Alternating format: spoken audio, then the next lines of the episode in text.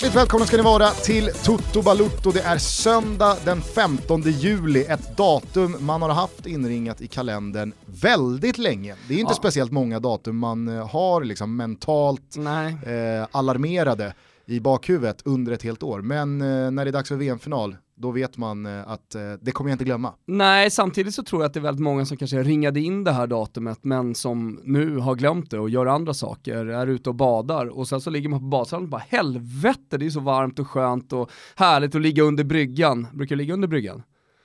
nej. När du var liten? Nej, jag tycker det är lite läskigt. Ah, du var en av de som tyckte det var läskigt. Ja. Jag älskade ju att simma under bryggan. Mellan de här flyt, eh, frigolitflytarna och så, så gömde man sig där och så hade man, hade man skoj. Eh, hur som helst, eh, att, man, att man liksom, eh, VM har dött lite efter Sveriges uttåg.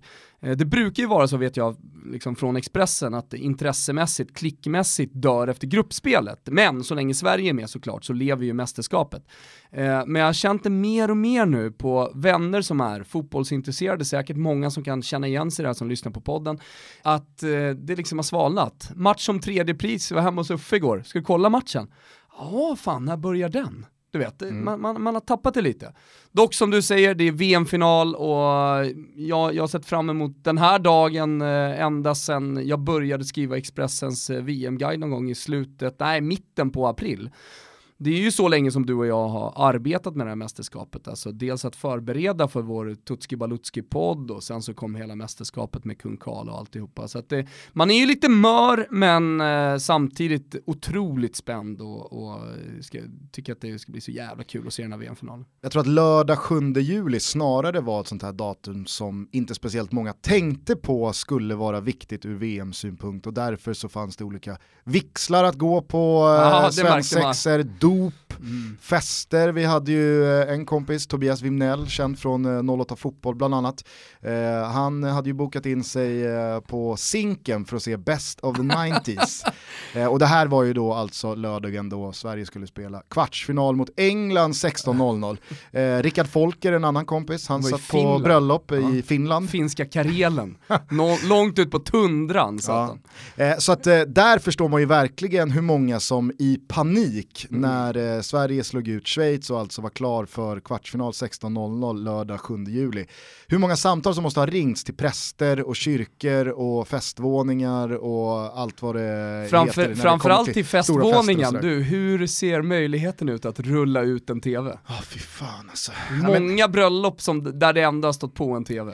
ja men och sen så, jag känner ju nästan ännu mer för dem, om vi ska hålla oss till bröllop, så känner man ju ännu mer för de brudpar som gifter sig som inte är så fotbollsintresserade, Ja, ja. men det sitter människor i bänkarna och liksom inte kan hålla sig. Så att de kan inte riktigt förstå hur någon kan fippla upp en liten fickradio eh, eller eh, plugga in hörlurar i eh, telefonen och höra Christian Olsson eh, gå loss på, på Sverige-England under deras vigsel. Alltså det blir en clash där, för är det ett fotbollsintresserat brudpar, då blir det ju he- en helt annan förståelse för, alltså då tas ju samtalen till kyrka, till präst, till festvåning för att ja, men, brudparet själva vill se matchen eller vill inte att det ska krocka. Men alla de brudpar som gifte sig eller de som döpte sin son eller dotter och så sitter en 10, 12, 15 personer i eh, kyrkbänkarna och har liksom inte ens fokus på det utan Det man många- är mitt inne i att Gary, eh, eh, Jerry Harry, Mag- Mag- Harry Harry, Maguire. Show me the money! Show me the money! Black man! I black people! I black people! Who's motherfucker, Jerry? You my motherfucker!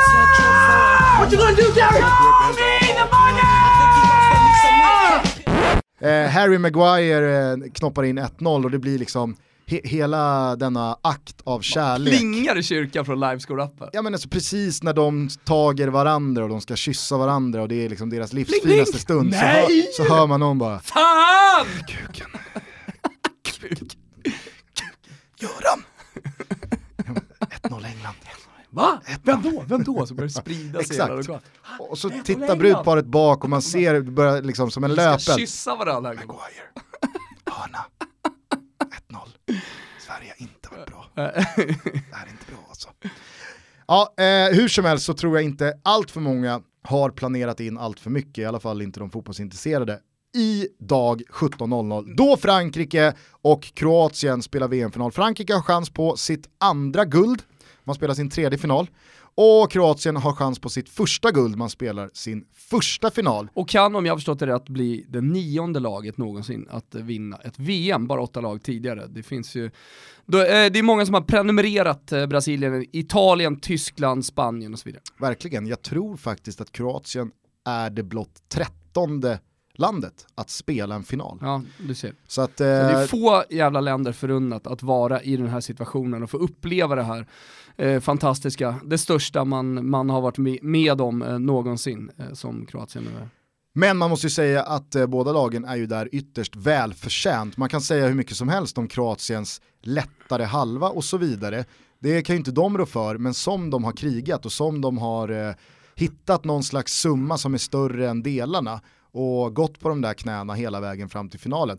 Och Frankrike å sin sida då, som har slagit ut eh, Argentina, Uruguay och eh, Belgien under bara slutspelet. Så Ja. att, eh, Och ändå så är det många som tycker att eh, Frankrike liksom har smugit sig utan att egentligen ha toppresterat eh, under det här mästerskapet, alltså smugit sig hela vägen till finalen. det Jag är, menar, de- är jag en av dem. Jo, jag vet, men de var ändå för- förhandsfavorit, de har slagit ut stora lag. Visst, det, de kanske inte har stått för någon så här uh, riktig urladdning, eh, men det tycker jag också är en, en jävla styrka. Att eh, hantera matcherna på det sättet som de har hanterat det på. Att eh, in, ja, inte släppa, in, släppa till speciellt mycket chanser. Eh, spela stabilt, det är ju ofta det som kännetecknar ett mästerlag i slutändan. Det är inte liksom, det mest offensiva, härliga, sprudlande laget som, som, som vinner i slutändan. Eh, jag tror också nu inför den här finalen eh, att de har en jävla fördel av att inte ha behövt spela eh, eller liksom varit i mentala och fysiska persar så som Kroatien har varit med förlängningar och straffsparkar eh, och så vidare. På ett sätt så kan det säkert stärka Kroatien, men jag tror när man möter en så stor nation som Frankrike att det faktiskt kan vara, eh, eller att det är en nackdel. Jag tror dessutom att nu är det verkligen ett snäpp upp, kanske till och med två snäpp upp Mm. i kvalitet som Kroatien springer in i. Nu är det inte Danmark, Ryssland eller ens England, Nej. utan Frankrike är ju på en annan nivå än de här lagen. Ja, andra sidan var tuffare. Eh, jag ska bara säga det, eh, vi ska inte prata så mycket om den här matchen i och med att avsnittet kommer ut typ samtidigt som den här matchen spelas. Men på tal om att liksom eh, boka in semestrar, vixlar och så vidare, det är ju många som har åkt till Kroatien som inte har tänkt på VM. Alltså Kroatien har ju blivit ett resmål för svenskar som verkligen har stigit då. Eh, och intresset för att åka dit, man ser väldigt många som åker eh, och, och lägger sig på segelbåtar, det är väldigt populärt, det är jättefint vatten, god mat, billigt och allt det där. Det är Så jag dyrt. tror att det- det är dyrt. Ah, det är inte dyrt i förhållande till många andra medelhavsländer. eh, Nej, nej, men, under, eh, under juli månad. Om du jämför med länderna som ligger omkring. Ja. Jag var ju i Albanien och Montenegro Ja. eh, samtidigt som jag var i Kroatien 2015. Går inte att jämföra. Och Dubrovnik. Eh, Det måste, vara, det måste vara världens dyraste plats på jorden.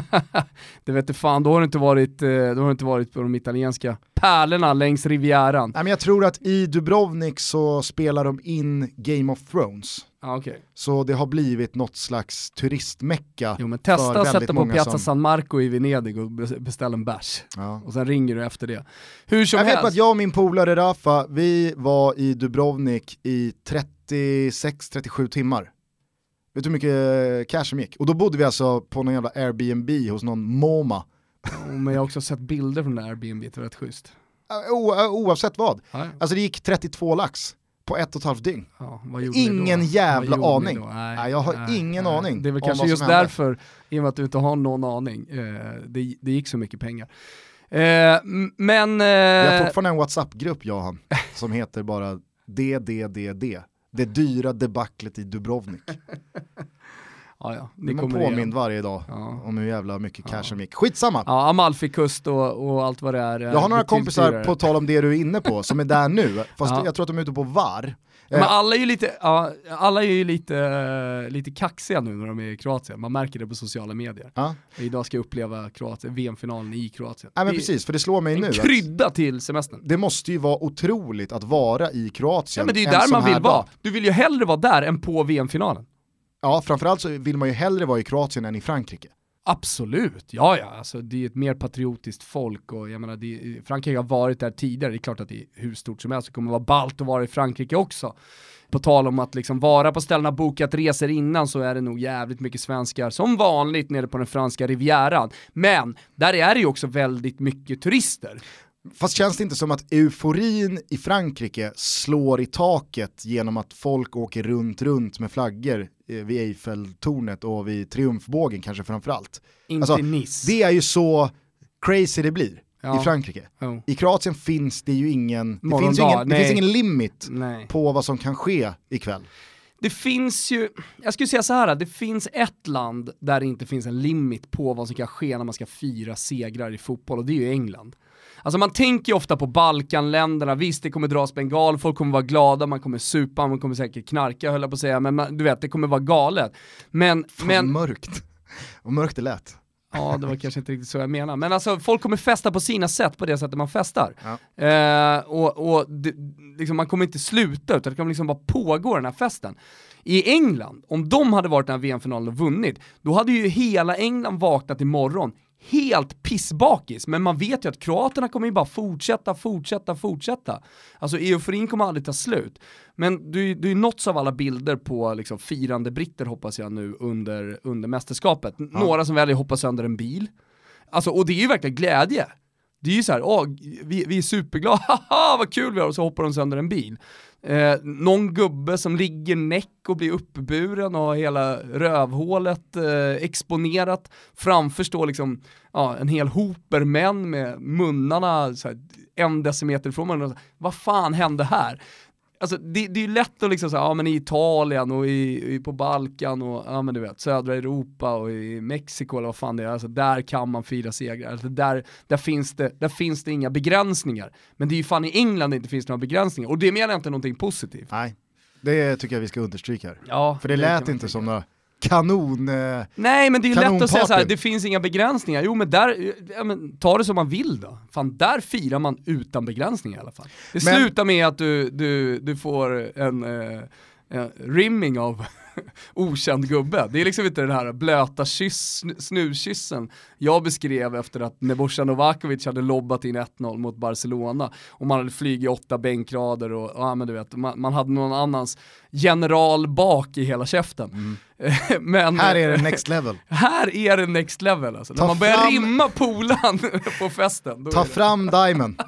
För nu Gugge, ska tungan nu in. ska den fan in alltså, tungan. Men har du sett eh, de här eh, videorna som har kommit? Någonstans uppskattar jag fan ändå det här eh, gränslösa firandet. De har fått mycket skit nu, britterna alltså, men ja, det, det, fin det, finns ändå någonting i det gränslösa. För alla de som gillar pyroteknik så är det ju mer eh, sånt på Balkan. Det kan vi konstatera. Herregud, det finns inget ozonlager kvar efter en eventuell eh, vinst. Nej men har du sett de här eh, filmerna på senare år när typ så här Dinamo Zagreb firar om det är 100 år eller 80 år eller 75 år eller vad det nu är, eller Hajduk Split eh, har en årsdag och så ser man bara så här, två kilometer, alltså någon har filmat uppifrån, två kilometer av bengaler bara tänds. Ja. Och så, liksom, så förstår du ikväll i eh, Zagreb eller Split. Men, eller, det, kommer, det, kommer, det, skulle bli som, ön, alltså partyön VAR. Ja. Alltså inte döpt efter den moderna domarteknologin, utan det är H innan vet. Men uttalas på samma sätt som Thomas uttalar VAR. VAR. Den ön kommer ju brinna Jag ikväll. tror, nu är det inte så mycket folk på månen, eller det är ingen på månen, men jag tror att man skulle se Kroatien från månen. Om det sitter någon uppe i någon rymdstation, någon ryss eller någonting och, och blickar ner mot jorden, då kommer de se hur det börjar, börjar brinna någonstans på jorden. Och det är, det är liksom inte gräsbränderna utanför Los Angeles eller utanför Sydney, utan det, det är Kroatien som brinner. Betydligt svalare firande får man ju anta att det var i eh, Belgien igår, i alla fall utifrån spelarnas reaktioner och supportrarna på läktarnas reaktioner efter slutsignalen av eh, tredjeprismatchen. Vilket jag tycker är så jävla konstigt. Ja, jag, jag, tycker, jag tycker det är så synd att bronsmatchen har fått den statusen den har fått. Mm. Alltså typ ingen alls. Eh, jag hade någonstans kunnat förstå ifall det hade blivit eh, en bronsmatch mellan ett Brasilien som var ute efter revansch och vinna guld och så förlorar de eh, snöpligt och surt i eh, semin och där kanske finns ett eh, Spanien eller någonting som mm. förlorar den andra semifinalen. De har vunnit tre guld eh, på eh, senare tid, mm. det är bara det som gäller, eh, samma sak för Tyskland kanske och så vidare. Och så blir det nu ändå bronsmatch, ingen eh, riktigt kvittar för att majoriteten av lagen har ett guld eller ja. de har stora segrar. Eh, men den här gången. Ja men det är ett England som aldrig har varit där, ja, sen hemma-VM senast. Nej, alltså, precis, de har en medalj. De, de, de har en medalj, guld. det är Belgien som har kommit så långt som landet någonsin har kommit. Ja. Alltså det, det, det, det, är en jättestor match, världen tittar, Belgien står stilla, för hoppas. Och, och jag, jag, jag förutsätter att de här spelarna, även fast de kanske inte visade det, ändå känner att det är skillnad på att komma hem från den här turneringen, som de oavsett hur det går har uträttat bra, ja. för det har England och Belgien, men skillnaden på att komma därifrån med dels en seger som avslutning och dels en medalj, att liksom så här, ja men vi tog faktiskt en medalj i VM. Jag är helt övertygad om att om tio år så hade man pratat annorlunda om det här VMet i England ifall man hade tagit brons igår. Det tror jag kontra som det blev nu, att man blev fyra. Man gjorde det, det, det jättebra hela vägen fram till kvartsfinalen, men sen så sumpar man det, ja. om man ska använda ett uh, gammalt uh, Lasse Granqvist-uttryck. För att skillnaden på medalj och inte medalj, jag tror att den är enorm mm. vad gäller VM-historien. Kolla bara på hur man själv eh, ser på eh, VM-historien och fotbollshistorien. Hur många fjärdeplatser minns man? Hur många liksom, ah, vilka var det, det som Bulgarien. ja, precis. Jag fattar också att eh, det här är spelare som ville spela en VM-final, men jag är helt övertygad om att när eh, Vincent Kompany eller eh, Eden Hazard eller eh, Kevin De Bruyne summerar sina karriärer och sitter på ålderns höst i någon studio, de har en VM-medalj. Ja. Och det kommer inte Kieran Trippier eller Ashley Young eller eh, Raheem Sterling ha. Nej, nej, och det är sån jävla skillnad. Nej, det, det håller jag med. De, Fan, har, li, de har lika lite VM-medaljer som eh, Sverige. Kan du fylla i mig lite på Raheem Sterling förresten? Alltså som kom till VM med enorma förväntningar på sig och kanske inte har varit sin bästa, alltså han har inte varit så bra som han har varit i Manchester City, kanske snarare liksom en bra lirare, men han har ju varit överlägsen i City och Pep Guardiola har ju, det har vi pratat om här i podden, man har ju verkligen fått eh, Sterling perfekt i planen, han har skruvat liksom på de små komponenterna så att det verkligen har funkat, men nu under VM så har han inte flygit i alla fall. Och du vet Noah till exempel, Bachler på Expressen har ju, har ju skrivit, rapporterat om att den engelska pressen har varit tuff mot honom och menar på sig att det är taskigt eh, och så här jag personligen inte tänkt speciellt mycket på det. Alltså Störling har varit Störling, okej, okay, han, han kanske inte har flygit, men, men eh, alltså är folk missnöjda med honom? Ja, alltså i synnerhet engelsmän. Ja. Eh, men kan de inte få vara det då? Det är min följdfråga egentligen, det var egentligen där jag ville landa. Jag tror att det handlar väldigt Fan, mycket. jag är missnöjd med Foppa, kan jag inte få vara det? Jo, självklart. Och jag tror att det i grund och botten handlar om att man har höga Foppa förväntningar på vissa magisk i kvartsfinalen, spelare. då hade vi gått till semifinal. Ja. Han var klappkass. Hur som helst så tror jag att det där hänger ihop med vad man har för förväntningar på vissa spelare. Man har inte lika höga förväntningar på en Ruben Loftus-Cheek och därför kan han komma in... Vad sa du? Ruben... Ru Ruben! på Ruben Loftus-Cheek eh, som man har på Raheem Sterling. Man har inte lika höga förväntningar på eh, Harry Maguire som på John Stones. Eh, man har inte lika höga förväntningar på en Kieran Trippier som mm. på en Kyle Walker. Och därför Nej, blir men deras... Det är klart att man eh, alltid slutsats... jämför med förväntningar, så är det ju. Ja, det jag däremot eh, skulle vilja landa i här ja. vad gäller Raheem Sterling är någonting jag har snappat upp under det här mästerskapet när jag har tänkt på det eh, nu när vi bara är en match ifrån att eh, sätta punkt Har du hittat efter. fotbollsbegränsning i honom? Nej, eh, jag har hittat eh, någonting som anspelar på det vi pratade om eh, för några minuter sedan, alltså det här med att man får ihop en summa som är större än delarna.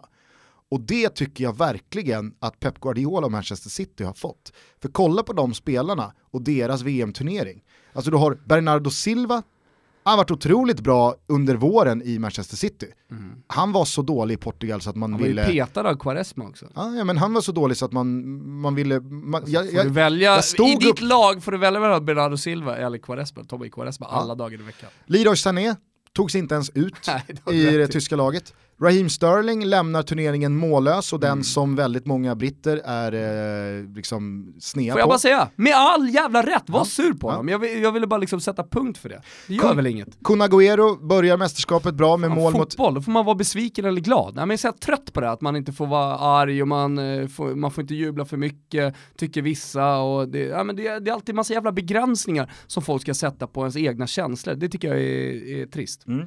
Eh, då får du passa dig för så att du inte liksom, kastar en sten i glashuset då och sätter begränsningar på någon annans reaktion. Vems? Nej men att eh, liksom så här, man behöver inte tycka som du, men du ska få tycka som du gör. Nej, Ja, verkligen ja, ja, inte. ja, ja. Jag, det, verkligen inte. Nej men bra. Kun Agüero börjar med mål mot Island och det var typ det sista bra han gjorde. I, eh, Snyggt jävla mål. jättefint mål, men sen så spelar han sig ur elvan. Sen om det var San Pauli eller om det var spelarna eller om det var någon argentinsk tv-studio som voodoo-offrade eh, Kun Agüero, det låter jag vara osagt. Men han gör ju ingen bra turnering heller.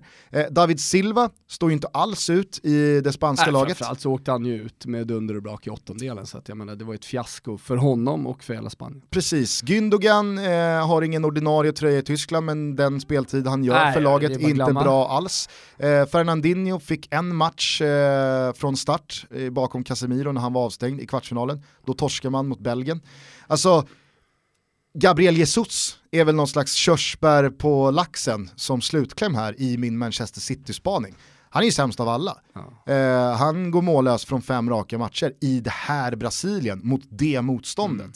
Så jag tycker det är anmärkningsvärt hur svagt VM Manchester Citys alla superstjärnor gör. Det är väl Kevin De Bruyne som kommer upp i någon slags nivå och då tycker jag ändå att ganska många har varit besvikna på Kevin De Bruyne. Sen vet jag också att han har haft eh, ganska djupa sittande roller i vissa matcher, han har flyttats ut till höger i andra matcher.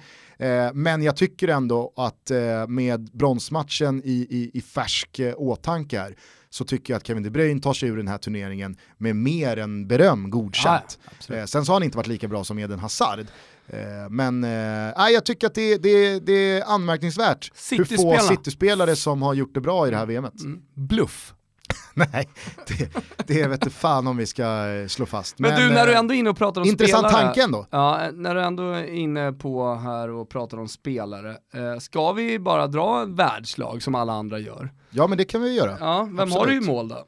Jag tycker att man någonstans får väga vissa målvaktsprestationer mot andra jämbördiga, relativt kanske sett bättre eh, och avgöra på hur det faktiskt har gått. Nu kommer Hugo Lloris åka hem med en guldmedalj eller en silvermedalj och jag tycker alldeles oavsett att han har varit en bättre målvakt än Subasic Mm. som visst har varit tungan på vågen i ett par straffläggningar men i spelet Ja, men räddningen han gör en alltså, sjuk räddning på Harry Kane. eh, på Harry Kanes Ja, eh, ja. skott. eh, Alla från, tyckte det var dåligt inledningsvis, initialt sen, när man Ja. tittade på repriset till och med på tv så var det så vad fan den där borde han kanske ha satt Ja. Harry. Eh, men eh, när man då eh, ser den här i super slowmo så är det ju tydligt att det är en räddning av Subasic. Ja visst, eh, tåspets, Ja, stolpen och den var ju då, över. som alla vet, fundamental eh, och räddade Kroatien till en eh, Verkligen, det var väl ställning säga. eh, 1-0 England. Så att jag menar så här, avgörande, Hu- Hugo Lloris har också gjort, han gjorde ju avgörande räddning mot Belgien, ett par stycken till och med, han- låt oss kalla dem mirakel. ja, han så gör jag ju menar, han är ändå- superräddning på Aldevirel där vid ställning Ja, 0-0 där. den finns ju inte den räddningen. Så att, det, men jag tycker också att det är väldigt tydligt att det står mellan just de två målvakterna. Och väldigt många som jag tycker felaktigt har Pickford där. Ja, alltså Pickford, Eller felaktigt, inget är ju fel, men, men jag menar, enligt mig i alla fall. nej, nej jag kan... Så Pickford gör ett grymt VM, men Subasic gör ett minst lika bra VM och han är i VM-final tack vare hans räddningar. kan det inte ha lite att göra med att eh, väldigt många med all rätt ansåg Jordan Pickford vara just Sveriges baneman. Och att de två räddningarna han gör de mot ska han ju göra. ah, det är ju två riktigt, riktigt bra räddningar, får den ju säga. ena är riktigt, riktigt bra, den andra, den räddar 90% av målvakterna. Till och med. Japans målvakt. Jag tror att de två räddningarna mot oss i matchen vi åker ut i gör att det färgar hela Pickfords eh, turnering. Jo. Då tycker man att Jordan Pickford har eh, stått för en fantastisk turnering och han är så ung och han har bara gjort 8-9 landskamper vad Visst. det nu är. Han är jättebra med fötterna och så vidare och så vidare. Eh, jag håller med dig, eh, börjar man liksom eh, granska Pickfords turnering i eh, verkligen sömmarna så tycker inte Det- jag heller han ska landa jag, jag ska säga så här, jag tycker absolut inte att det är helt fundamentalt att man måste vara i en VM-final, för jag menar, nu kan vi bara ta ut kroatiska och franska spelare. Men jag tycker att liksom, när man jämför Juris, Subasic och eh, Pickford, om man säger att det var jämnt, hyfsat jämnt skägg liksom, eh, så, så tycker jag ändå att liksom, eh, de avgörande räddningarna, eh, de har eh, de andra två målvakterna stått för. Eh, nej, men, eh, absolut, jag, jag håller med dig, man behöver inte gå till VM-final. Jag kan till exempel tycka att hade Danmark tagit sig en runda till, då tycker jag Kasper Schmeichel ska nämnas där. För han Ja. gör ju faktiskt en otroligt bra turnering, även om det bara är över fyra matcher. Ja, han är nära. Robin Olsen, ja han håller tre nollor, kanske inga jättesvettiga räddningar, jag kan i alla fall inte minnas någon sån här hur i helvete tar han den. Men han håller tre nollor, eh, Sverige gör en defensivt riktigt bra turnering, men samma sak där, han hade behövt eh, en, en bra match och ett avancemang för en kvartsfinal tror jag, för att man skulle nämna Robin Olsen som turneringens bästa målvakt. Men du, måste gå vidare. Ja, var det Juris eller? Ja, jag tar Juris också. Ja, ja men jag tänker att jag, Subasic, Juris, alltså det är så jävla jämnt Ja. däremellan. Men- jag men tänker att jag reagerar på dina val Ja, okej. och bollar upp lite Ja, alternativ. ja, ja, ja. Eh, högerback, Versaiko. Ja, eh, det är väl Benjamin Pavard emot. Moiner, kan man använda honom som högerback? Alltså, absolut. Ja, absolut. mm, de tre Ja. tycker jag står ut. Fan, Toto var tidig på Munier. Jo men vi var tidig med honom för eh, det var, var, det var någon match med PSG när du, det- jag tror att du som gick igång som fan på honom och tyckte att det var imponerande att han hade liksom eh, tagit den platsen. Ja. Och sen, sen när man sitter där och tänker, ja ja men fan det är en bra fransk gubbe det här, att de, som de har fått fram eh, nu fram till VM. Och så landar man, va? Är han belgare också? Jag skulle faktiskt Sjukt. vilja säga att eh, Muniers avstängning i semifinalen mot Frankrike, den Ja. är absolut i paritet med Cavani av, Ja. alltså, eh, out för Uruguay i kvarten mot Frankrike. I eh, vilken impact det får på laget negativt. Alltså såg du Munier igår i bronsmatchen? Han är otroligt bra. Alltså, han, är ju, han är ju vital för Belgiens anfallsspel. Han är överallt. Ja. Eh, myck, myck, det är så här, Moiner, mycket mer än en högerback. Det är hans payoff. Hur nära var Lustig? Eh, Lustig är alltid där och nosar. Mm. Mm, det är han. Eh, Hugg. Han eh, högg, högg bra där. Varann, Ja, tycker jag är självklart. ja. och sen så är det liksom, många gillar ju Jeremina, han har varit uppe och stångat. Du vet, eh, ja, det, det bollas upp alla möjliga olika, men det finns en gubbe här som jag tycker har fått alldeles för lite cred, som har jobbat i det tysta. Det är Vida Ja. Domagoj. Ja, jag skulle precis säga det. Alltså, jag tänkte, om inte du säger det så säger jag det. Är det någon Så som man till slut måste, krigare! är det någon man till slut måste kapitulera inför så är det ju Domagoj Vida. De har gått vida som eh, höll på, nej jag vet inte fan om han höll på, men, men det höll på att bli repressalier i alla fall, när han efter matchen då mot eh, Ryssland. Ryssland. när de hade vunnit, dedikerade segern till Ukraina, han har ju spelat i Dynamo Kiev länge. Nu i Galatasaray va? Nej, Besiktas. Besiktas ja. Fan, ska man ta och blanda upp. Eh, nu Besiktas. En gubbe som man inför det här mästerskapet kanske eventuellt hade kunnat sett som en liten svag länk i det kroatiska försvaret. det är lite, Vet inte. det är lite så här sur eftersmak att kroaterna skickar hem vad var han, lagledaren Ja. som han gör den här hälsningen med, som också Ja. hade varit i Ukraina. Ja, han, han var någon slags scoutaktig, alltså, ah, skitsamma. han fick åka, Ja. men inte Vida. Nej, inte vidare, han fick vara kvar. Men ser vi till hans eh, uträttelser på eh, fotbollsplan så absolut. Ja, han får för fan tycka vad han vill, han har spelat i Ukraina, han är ju eh, halv-ukrainsk, han får tycka, eh, vara lite politiskt. Vänster- Gör väl inget, fram med känslorna Gugge, det är Vä- det det handlar om. Vänsterback då? Ja, vad tycker du? Ja, det är svårt. Ja. Jag tycker vänsterback, alltså där kan man säga så här. Om du tar finallagen så har du Ja, Hernandez och Stri- Strinic. Strinic är ju eh, Alltså, en av de sämsta alltså. vänsterbackar som någonsin spelat en VM-final. Ja, Då är det ändå en del dåliga vänsterbackar som har spelat eh, VM-finaler. Ja. Eh, sen så kan man ju gå till, eh, alltså det, det belgiska laget och det engelska laget har inte riktigt spelat med ytterbackar utan snarare wingers. Där finns det liksom ingen som har imponerat jättemycket på vare sig Belgien eller Englands vänsterkant. Backar man då till kvartsfinallagen, ja Marcello, dock skadad i en av sina matcher. Alltså, man har inte sett Marcello i det här mästerskapet riktigt ju. Nej. Så som man har sett honom i Real Madrid. Så då får man kanske landa i typ eh, laxsalt. Nej, laxsalt.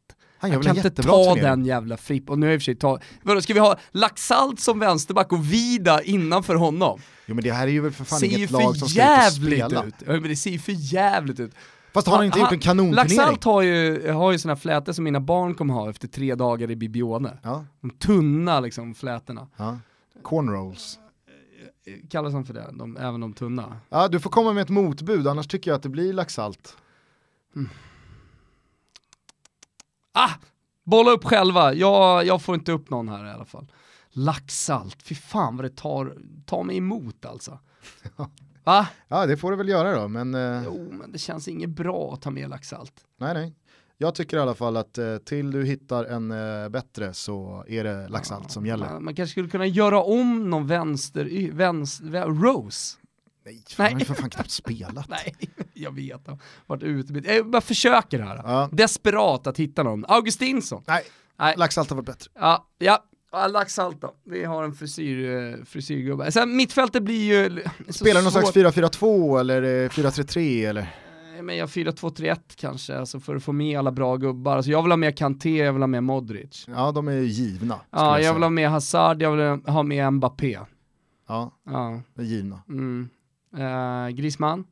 Mm, Mm. mm, Mm. nej. Nej. Då skulle jag nog, alltså så här, eh, jag tycker att Ante Rebic Ja, är fan. bättre än Griezmann. Ante Rebic, han tar vi med. Så kör vi liksom Ante Rebic, Hazard, Mbappé. Om vi nu ska ha en nummer nio. Ja. Prompt. Ja.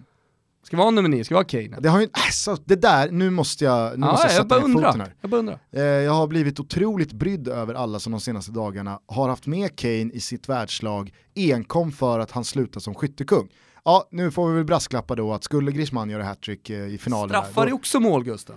Jo, men alltså, eh, jag säger inte att det inte är mål, jag säger inte att Harry Kane tar en oförtjänt eh, skytteligatitel. Men jag tycker att ett världslag ska innehålla de spelarna som har varit bäst. Inte de som... Men eh, har han inte varit det då? Nej, som för nummer fan! nio. Nej, herregud. Ah, bomba in bollar och skjuta in straffar i krysset och bära sitt lag. Han har gjort sex mål, han har gjort tre straffmål och resterande tre mål gör han mot Tunisien och Panama. Vet- vet han, har vad det här är? inte, han har inte... Nu sitter du och är så jävla kåt på Lukakos löpning, det är det du Nej, Oj, oj, oj, löpningen. Lukaku ska inte ens vara där heller. Nej, verkligen, verkligen inte! Nej. Helvete! Lukaku, han gjorde, mål, han gjorde fyra mål på de två första. Sen, går, sen så spelar han inte mot Belgien, men han går mållös Bluff. i åttondelsfinal, kvartsfinal, semifinal och bronsmatch. Bluff.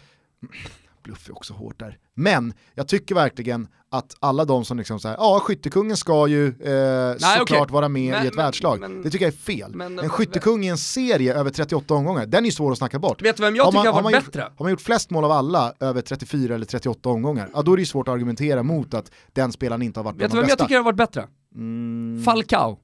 Jag tycker Falcao var så jävla bra i alla de matcher jag såg. Som han krigade och rafsade fram chanser och... Fan vad jag tycker Falcao var bra alltså. ja, vi kanske ska ha med Falcao. Jag tyckte han var så jävla bra.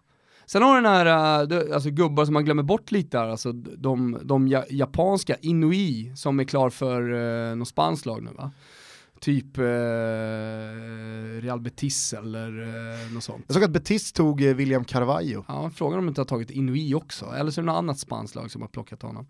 Eller ett tyskt lag som har plockat honom. Ja, du ser, det är mycket, mycket frågetecken. Hur som helst, det är många som vill ha med honom i ett världslag också. Jag tyckte Ja. han var fantastisk. Eh, men jag tänker, eh, vi, har ju pratat, vi pratade om det i förra avsnittet, att det har ju verkligen inte varit de centrala anfallarnas eh, VM. Nej. Kanske så ska vi ge det till Mario Mandzukic.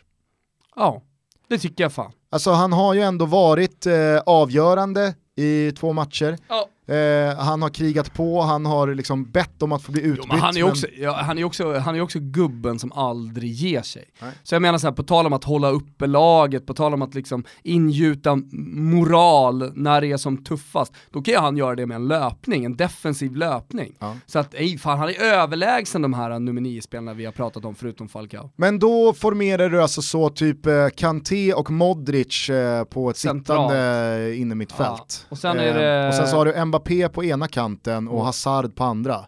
Eh, eller Ante Rebic, hur man nu vill. Ja, de tre får Hazard snurra, kan ju spela centralt. de tre får snurra runt där. Ja, får snurra Hazard, runt kan, eller Hazard kan spela centralt. Snurra runt bakom eh, Mandzukic. Ja, och så Mandzukic längst fram som en jävla enmansarmé. vilket, vilket lag. Ja, topplag. Laxalt ändå hittas in Gusten, fan den är stark. Nej, men jag tycker att någon jävla defensiv pjäs från Uruguay, alltså folk vet inte ens, eh, folk vet inte ens var Laxalt spelar.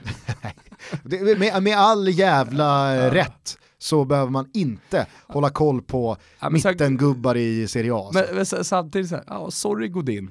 Alltså de, de, de ryker på det här sista, tyvärr. Ja, herregud. Jag menar, där måste man ju, alltså precis som det vi gjorde med målvakterna, väga in vad ledde det till då? Visst, de håller tre nollor, men i en grupp med Ryssland, Egypten och Saudi Tyvärr. kanske man ska kunna kräva det. Jo, det blir så. Man brottar Tyvärr. sig vidare mot eh, Portugal, Man vill se men de sen, stora så var det, sen så var det godnatt Ja. Mm. mot Frankrike. Vilket lag vi har tagit fram och det här är facit hörni. Något annat får man inte tycka. Är det Janne på bänken eller?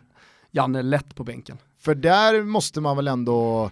Ah, du har en kroatisk gubbe där som man kanske Ja. skulle bolla upp också va? Ja, Adalic är ju svår att snacka bort. Mm. Men jag tycker till exempel inte att så här, Roberto Martinez har uträttat något mirakel. Ah, han har gjort det jävligt bra, alltså men inte mirakel. Nej. Ser man till, Alltså Jannes är ju mer ser man till mirakel, vägen såklart. dit så är jag också skeptisk till att Gareth Southgate ska ha någon slags eh, Nej, liksom han har också gjort det bra, det, och det, det, det man gillar med Southgate, nu har det skrivit spaltmeter, hyllningar, från varenda svensk krönikör där ute, de passar ju på nu alla anglofiler, för alla är ju anglofiler i stort sett.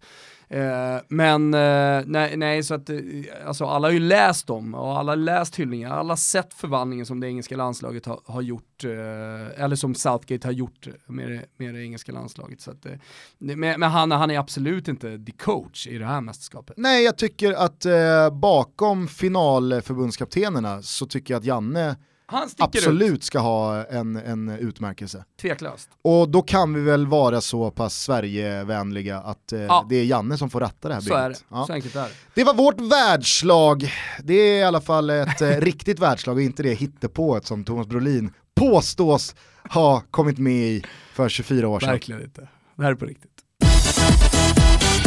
Toto Valuto är sponsrad av Seat Stockholm. Nu är det sista chansen för alla som vill utnyttja vår eh, tuttorabatt på privatleasing hos Seat Stockholm. Mm, vi har ju pratat oss varma om privatleasing och självklart också om Seat som vi gillar jättemycket. Vi har kört deras bilar nu under en hel månad eh, och eh, vi vill verkligen rekommendera alla som lyssnar på det här att ta sig då till Täby, till Sätra eller till Södertälje. Seat Stockholms tre olika bilhallar eh, där man då kan få provköra eller eh, direkt eh, privatleasa om man gillar dealen på studs. För det är ett jävla bra erbjudande Gusten. Ja precis, vi ger 100 spänn rabatt i månaden och tecknar man då en leasing på 36 månader så kan alla ni som har eh, klarat av matte A räkna ut att det blir totalt 3600 kronor i rabatt. Och det är ganska mycket pengar för eh, det är inte speciellt dyrt att eh, leasa en bil eh, Nej, hos eh, det Seat är det Stockholm. inte. Och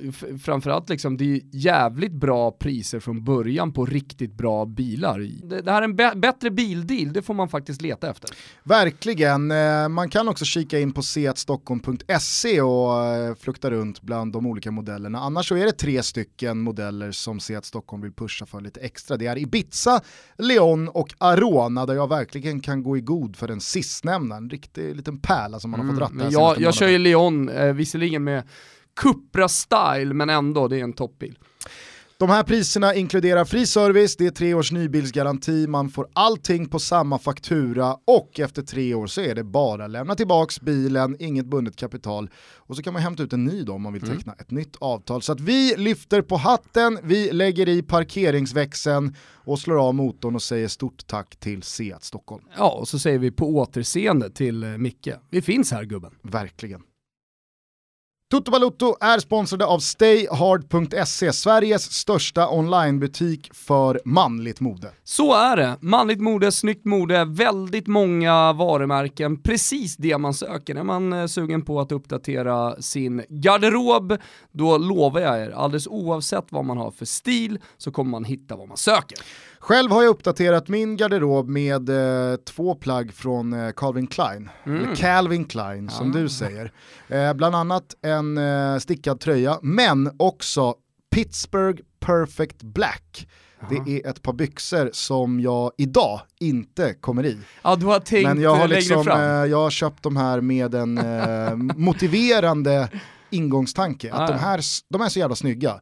Så att de här ska jag kriga mig i. Själv har jag köpt mig en LSE-jacka som var ruskigt fin som kommer synas på norra eh, framåt hösten. Ni hör ju själva vilka toppmärken det finns. Utöver LS och Calvin Klein så finns Filippa K, Hope, Nudie, Levi's, Lylan Scott och så vidare och så vidare. Så att eh, herregud, gå in på stayhard.se. Det finns inte bara kläder där att ha i eh, vanliga sammanhang, alltså jobb eller fritid, utan det finns träningskläder och det finns eh, groomingprodukter och det finns skor och det finns eh, accessoarer i oändlighet. Ja, då kanske man undrar varför man ska gå in nu och handla på Stay Hard. Jo, de har varit extremt generösa till alla våra lyssnare här på Toto Balutto och erbjudit 20 20 fucking procent på ordinarie sortiment. Precis, med koden TUTTO så får man den här eh, rabatten och det Tutto. är ju på ordinarie prissatta produkter men det är ju röda eh, rabattlappar fan överallt när man är inne på stayhard.se. Ja, nej men så är det. Så det är bara att gå in, hitta era favoritplagg och eh, beställa. 20% alltså, det här kommer inte gälla i all evighet så passa på, koden är som sagt TOTO och vi vill också samtidigt passa på att eh, säga stort tack till våra nyblivna vänner, våra gubbar på Stay Hard. Toto Balutto är sponsrade av Viaplay och det är vi väldigt, väldigt glada för. För att trots att det idag är liksom avslutning på fotbolls-VM så är de stora ligorna inte speciellt långt bort. Det är ju Premier League om tre veckor. Om en vecka, vet du vad jag gör då? Nej. Då åker jag upp till Val di Fassa och kollar på Fiorentina Venezia. Så att eh, då börjar min klubblagssäsong. Och det som är så jävla fint då med Viaplay, det är att de har ju snappat upp en hel del av den här, för, låt oss säga försäsongsfotbollen, eller hur Gustav? Precis, man kan eh, flukta in International Champions Cup. Den tar sig starkare och starkare för varje år. Absolut. Eh, Utöver det så kan man följa Malmö FF, AIK och Djurgårdens hemmamatcher i Europakvalen. Och sen då så är det knappt tre veckor kvar tills Premier League sparkar igång. Några veckor efter det, ja då vet ju alla vad som drar igång, Champions League. Men nya i stallet för årets eh, Viaplay-säsong är eh, Bundesliga, Mm. skotska Premier League, belgiska ligan, vet du vad den heter? Den heter Jupiter League. Jupiler, Jupiler, ja Efter just det, bärsen. Just det. en god öl. Mm. Eh, och där finns ju sedan tidigare Eredivisie, holländska, så Championship, eh, denna sprakande kadettserie i England med Ponne och Bielsa. Och så finns det också Ligue 1-fotboll från Frankrike för alla som vill följa Gigi Buffons första matcher i PSG. Och det vill man ju såklart. Eh, framförallt så är ju detta för alla er som lyssnar på Toto Balotto och älskar fotboll. Har man inte via Play, då är det bara att gå in och signa upp nu. Verkligen. Tack till Viaplay. Det är ju inte bara skogarna i Västmanland som brinner. Jag hamnade mitt i ett eh, skogsbrandsdrama igår. Oj. Fan vad de kör med helikoptrarna och när de hämtar vatten och sådär. Alltså det känns så, Spontant, eh, oplanerat, eh, nu dyker jag ner här och hämtar lite vatten. framförallt så känns det som att här, det här måste man kunna förfina. Det här måste man Ja, kunna förbättra. ja. Men det känns som att de har nöjt sig med Det känns analogt, Ja. eller hur? Det, är så här, det borde finnas någonstans där man bara kan plocka upp. påsen med vatten Ja. är så jävla liten också. Den är så jävla liten. Det, och, och du vet, du det- vet ju hur stor en sån här brand kan vara. Ja, ja. Och så tömmer de, Jo, fast eh, jag menar så här. så åker de tillbaka till sjön, hämtar en skopa till. när, när det var skogsbrand här för några år sedan, när det var riktigt, nu har det inte, nu har det inte blivit någon riktigt så stor skogsbrand när det, när det är, alltså det är, alla skogsbränder är ju i katastrof, det är inte det. Men när, vi fick inte kontroll på det i Sverige, vi var tvungna att ta hjälp utifrån. Då hyrde man in två stycken eh, italienska pilotkonsulter som kom med sina plan. Gula, såg ut att vara ganska gamla de här planen. Och så eh, intervjuade ju Aftonbladet honom. Om det är så att Kimpa hittar den här intervjun så kan vi lägga in den, men den här jävla italienska piloten är så mycket italiensk pilot man bara kan vara. How tired are you now? No, we're we, this is a normal uh, flight for us. We only flew three, three hours today. We can go much longer than this. Obviously, it's late, uh, and uh, we've been here since uh, this morning. But uh, this is like a, for today. It was a normal day of job for us. Are you going to be able to help Sweden extinguish this fire? Uh, yes, we we we, we hope. That's what we're here for. so we will do our best. So we can count on you. of course. you can count on us. You can count uh, on all the crews uh, in this team. I say it's a team uh, be, between Italy and France. We are, we are very happy to to work together. Uh, yes. Alltså du vet, han var så- så jävla säker på en brand som hela Sveriges brandkårer har liksom kämpat med i, i, i flera veckor. Det löser han sen bara. Det, det är roligt att han gör ju det. Ja. Han löser det ju på ett par dagar. Jag blev också väldigt eh, överraskad när jag läste om det där för någon månad, en och en halv sedan. Att det är så här, ja, det kommer eh, helikoptrar och flygfordon från Italien. Ja. De Nej, har någon liksom experter. direktlina hit. Vet du vad de gör de jävla galna pyromanerna? De skickar in brinnande djur ut i skogen. Liksom. Så, så bränner, så, de de kommer så djupt in, så det är så svårt att, att liksom få ordning på de där eldarna.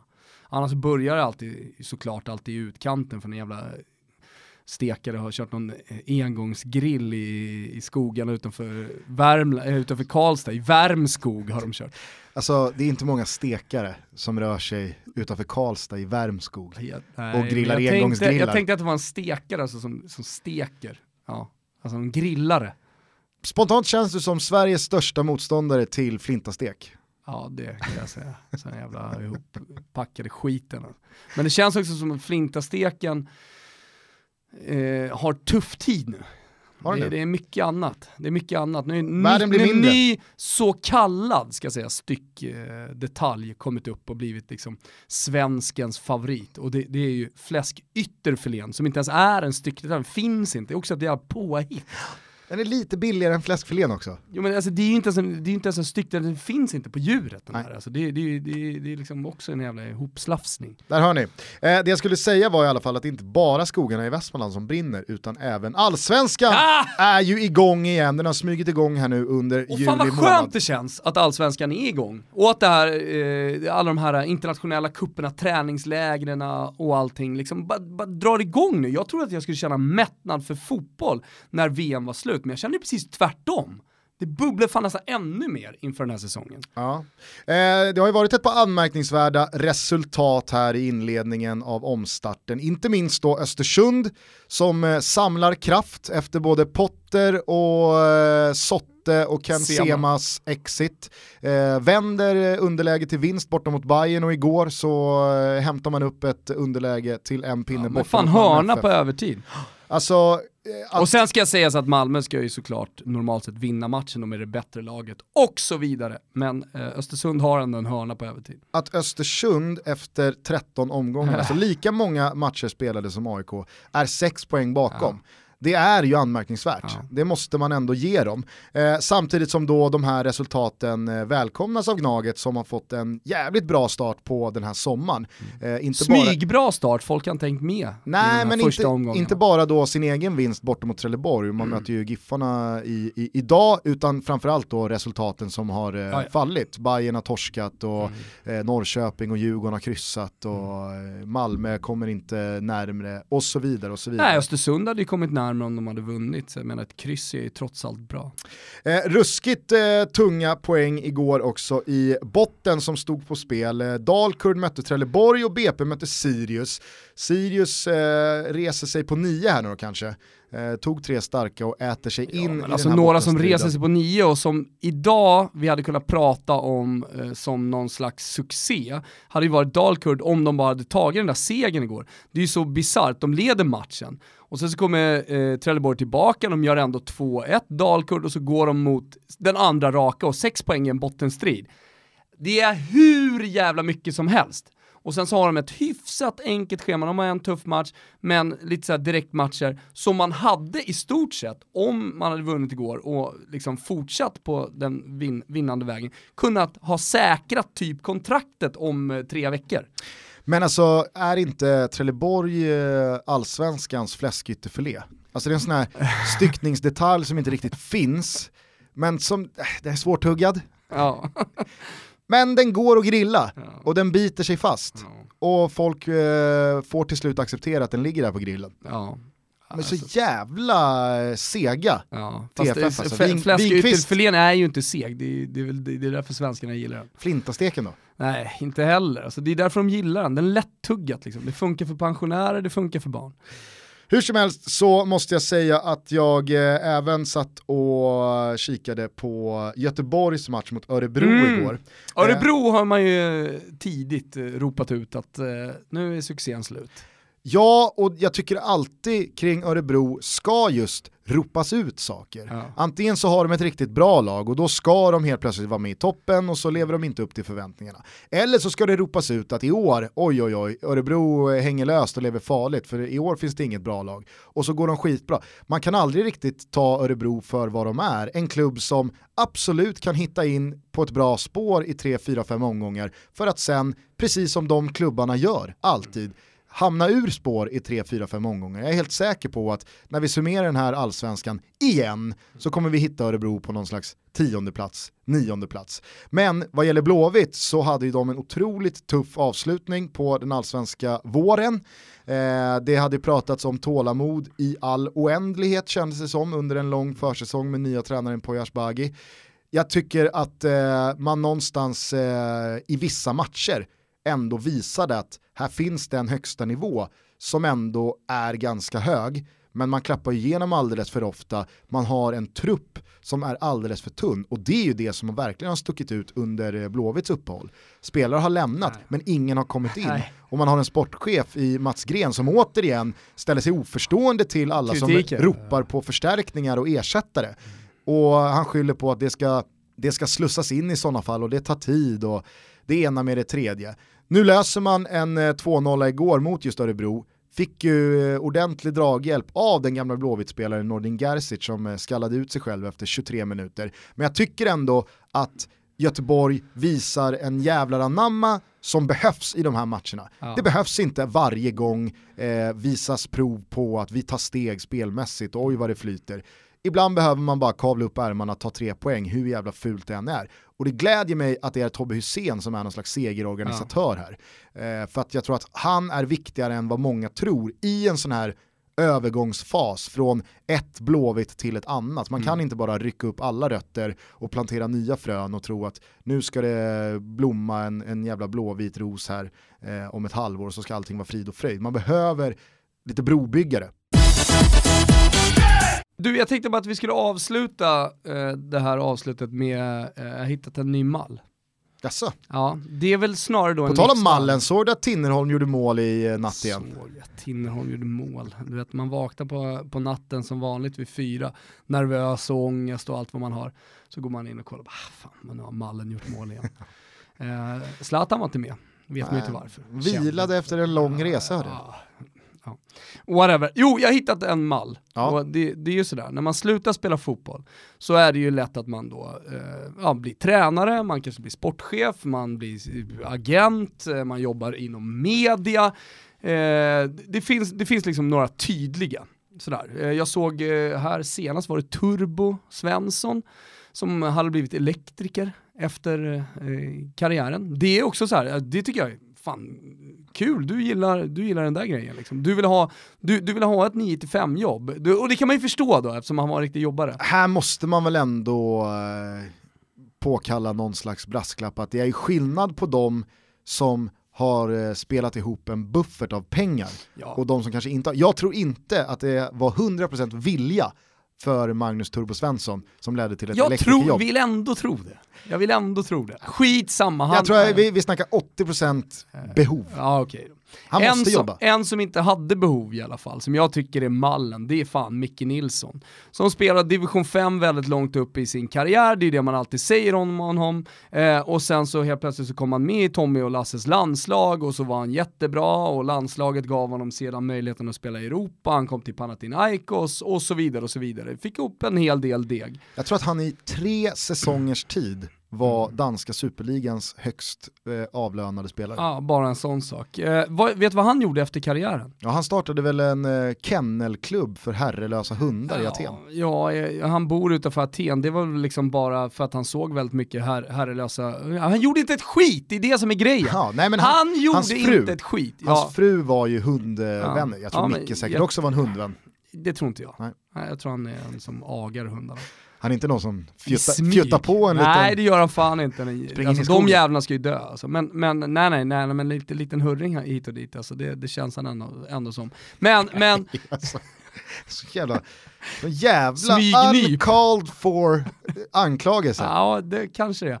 Det är min magkänsla, jag Jaha. säger bara det. Eh, hur som helst, att han gör inte ett skit. Det är det som är så fint. Sen nu på slutet, eh, de senaste typ, eh, ja, något år, ett par år, tre år, så har han ju ändå varit någon slags scout i Norden. Och då vet man ju såhär, scout i Norden för Panathinaikos, i världens enklaste jävla jobb. Han har ju knappt varit i Norden och kollat. Han har ju bara liksom, går in på sin Y-scout lite, lyssnar med några polare som är agenter. Han är, eller har han bara agentkontakt? Ge mig de tio bästa, ge mig en lista, vilka jag ska ha koll på, jag behöver en in i mitt. Så han har gjort väldigt lite. Och sen så liksom får han frågan nu, nu har ju Panathinaikos har ju total ekonomisk kris. Alltså det, det finns ju typ inte en sekin kvar. Och, så, och, och då får han ju frågan i en intervju med eh, Petter Landén på Expressen, att eh, vad händer med dig nu då? Ah, jag är väl kvar men eh, det händer inte speciellt mycket. Jaha, om du får sparken nu då? Ja, då får jag väl kanske hitta ett nytt jobb. Men eh, det spelar inte så stor roll.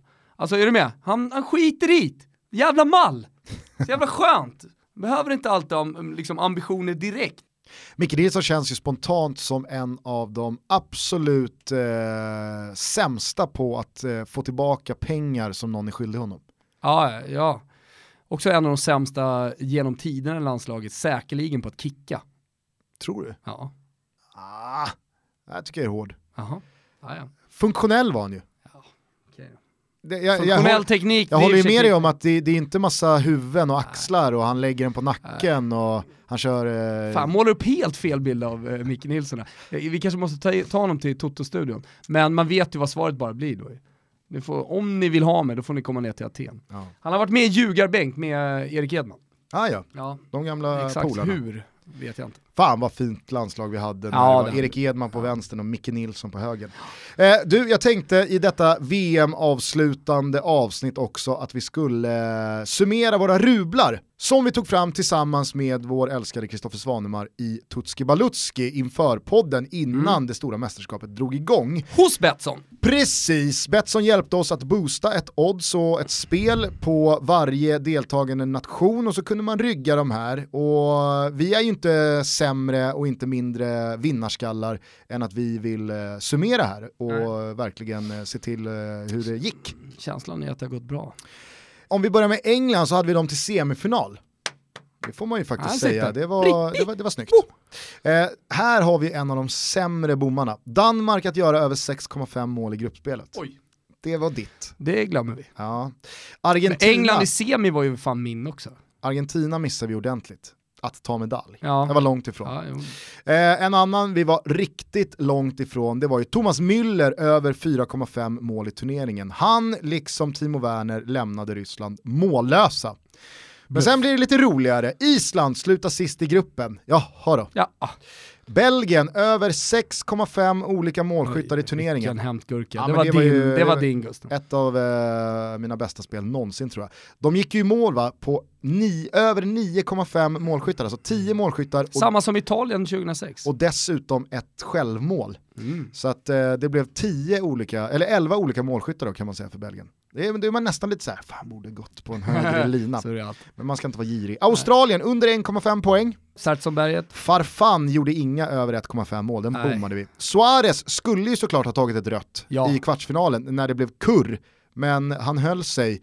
Saudiarabien att lämna Ryssland mållösa såg ju länge bra ut. Ja, rök i sista matchen. De fick några straffar. Ja, just gick att det inte att missa. det.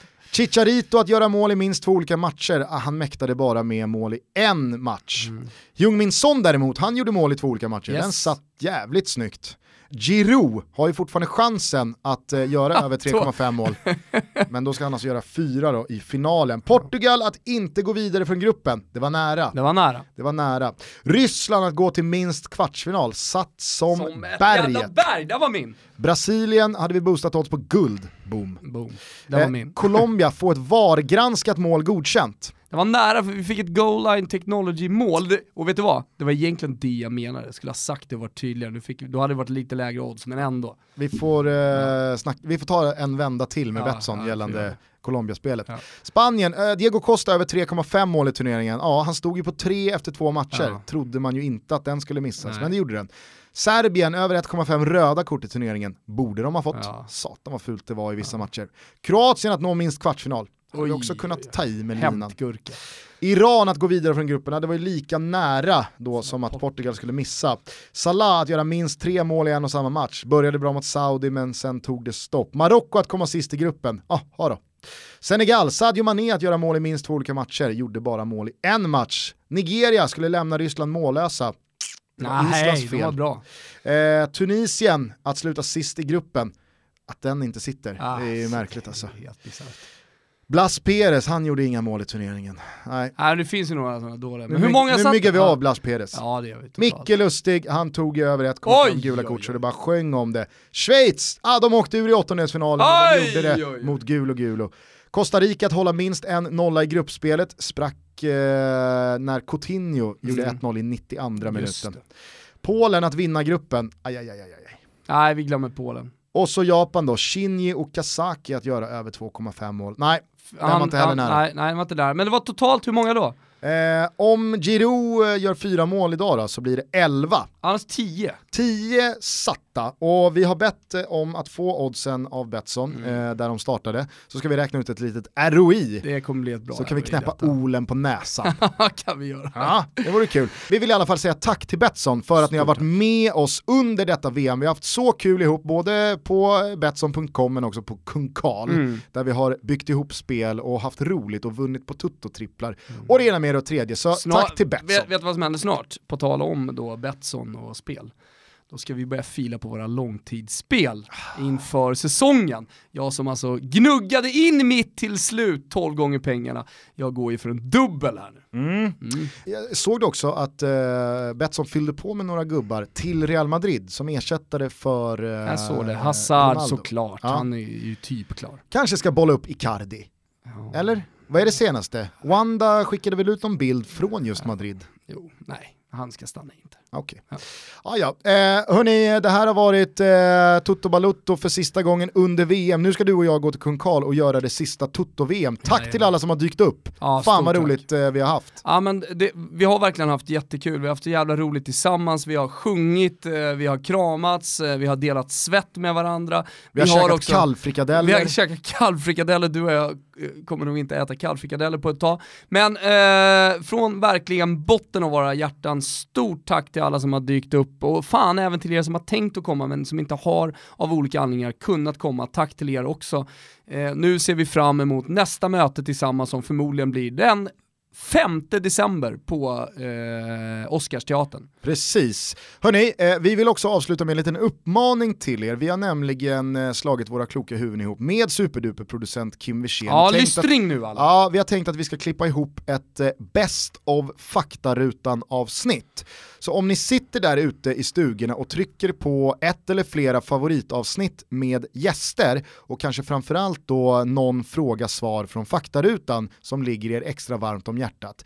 Kan ni inte skriva då till Kim Wirsén på Twitter, eh, alternativt då skicka ett mail till oss så vidarebefordrar vi Om man, det. om man hashtaggar Toto Balutto så är det alltid lätt att hitta, så om ni Ja. skriver på Twitter så kan ni göra det. Hashtagga Toto med då vilket avsnitt eh, och så vilken fråga, kanske också om ni är riktigt proffsiga, släng in en eh, minuttidkod på när då Kim kan Det hitta är det här. mycket eh, begärt nu, jo men det är också många det är gästavsnitt. mycket begärt nu. Eh, hjälp till så skapar vi ett riktigt, riktigt superduper Ja, men ett roligt avsnitt. semesteravsnitt som man kan ligga och garva åt. Precis, att ha på stranden eller på klippan eller på uteserveringen eh, när man då kan minnas. Uteserveringen, då ska man ge fan i att lurar i öronen.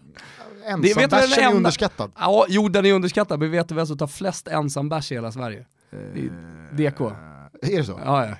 Eh, Kristiansson, kommentatorn på, Innan han, på går ner Simor TV4. med, innan han går ner med en käpp det och hela mot... tiden, eh, det, det kommer ju hela tiden bilder på ens- ensambärsar. ja. Jag börjar, fan, vi försöker hitta vän till Kristiansson. Sen går han ner och tar en käpp och hytter mot alla som kör jetski nere vid Hornsbergs strand. Ja. Hörni, eh, det vore superschysst om ni hjälper oss med det här så kan Kim Wirsén få ut ett riktigt kanonavsnitt. Vad det lider här nu i semestertider. Eh, nu så... eh, Drar vi till kung Carl Gusten. Ja, och sen Ja. så säger vi på återhörande från eh, Los Angeles och Bibione. Så är det. Ciao tutti! Ciao tutti.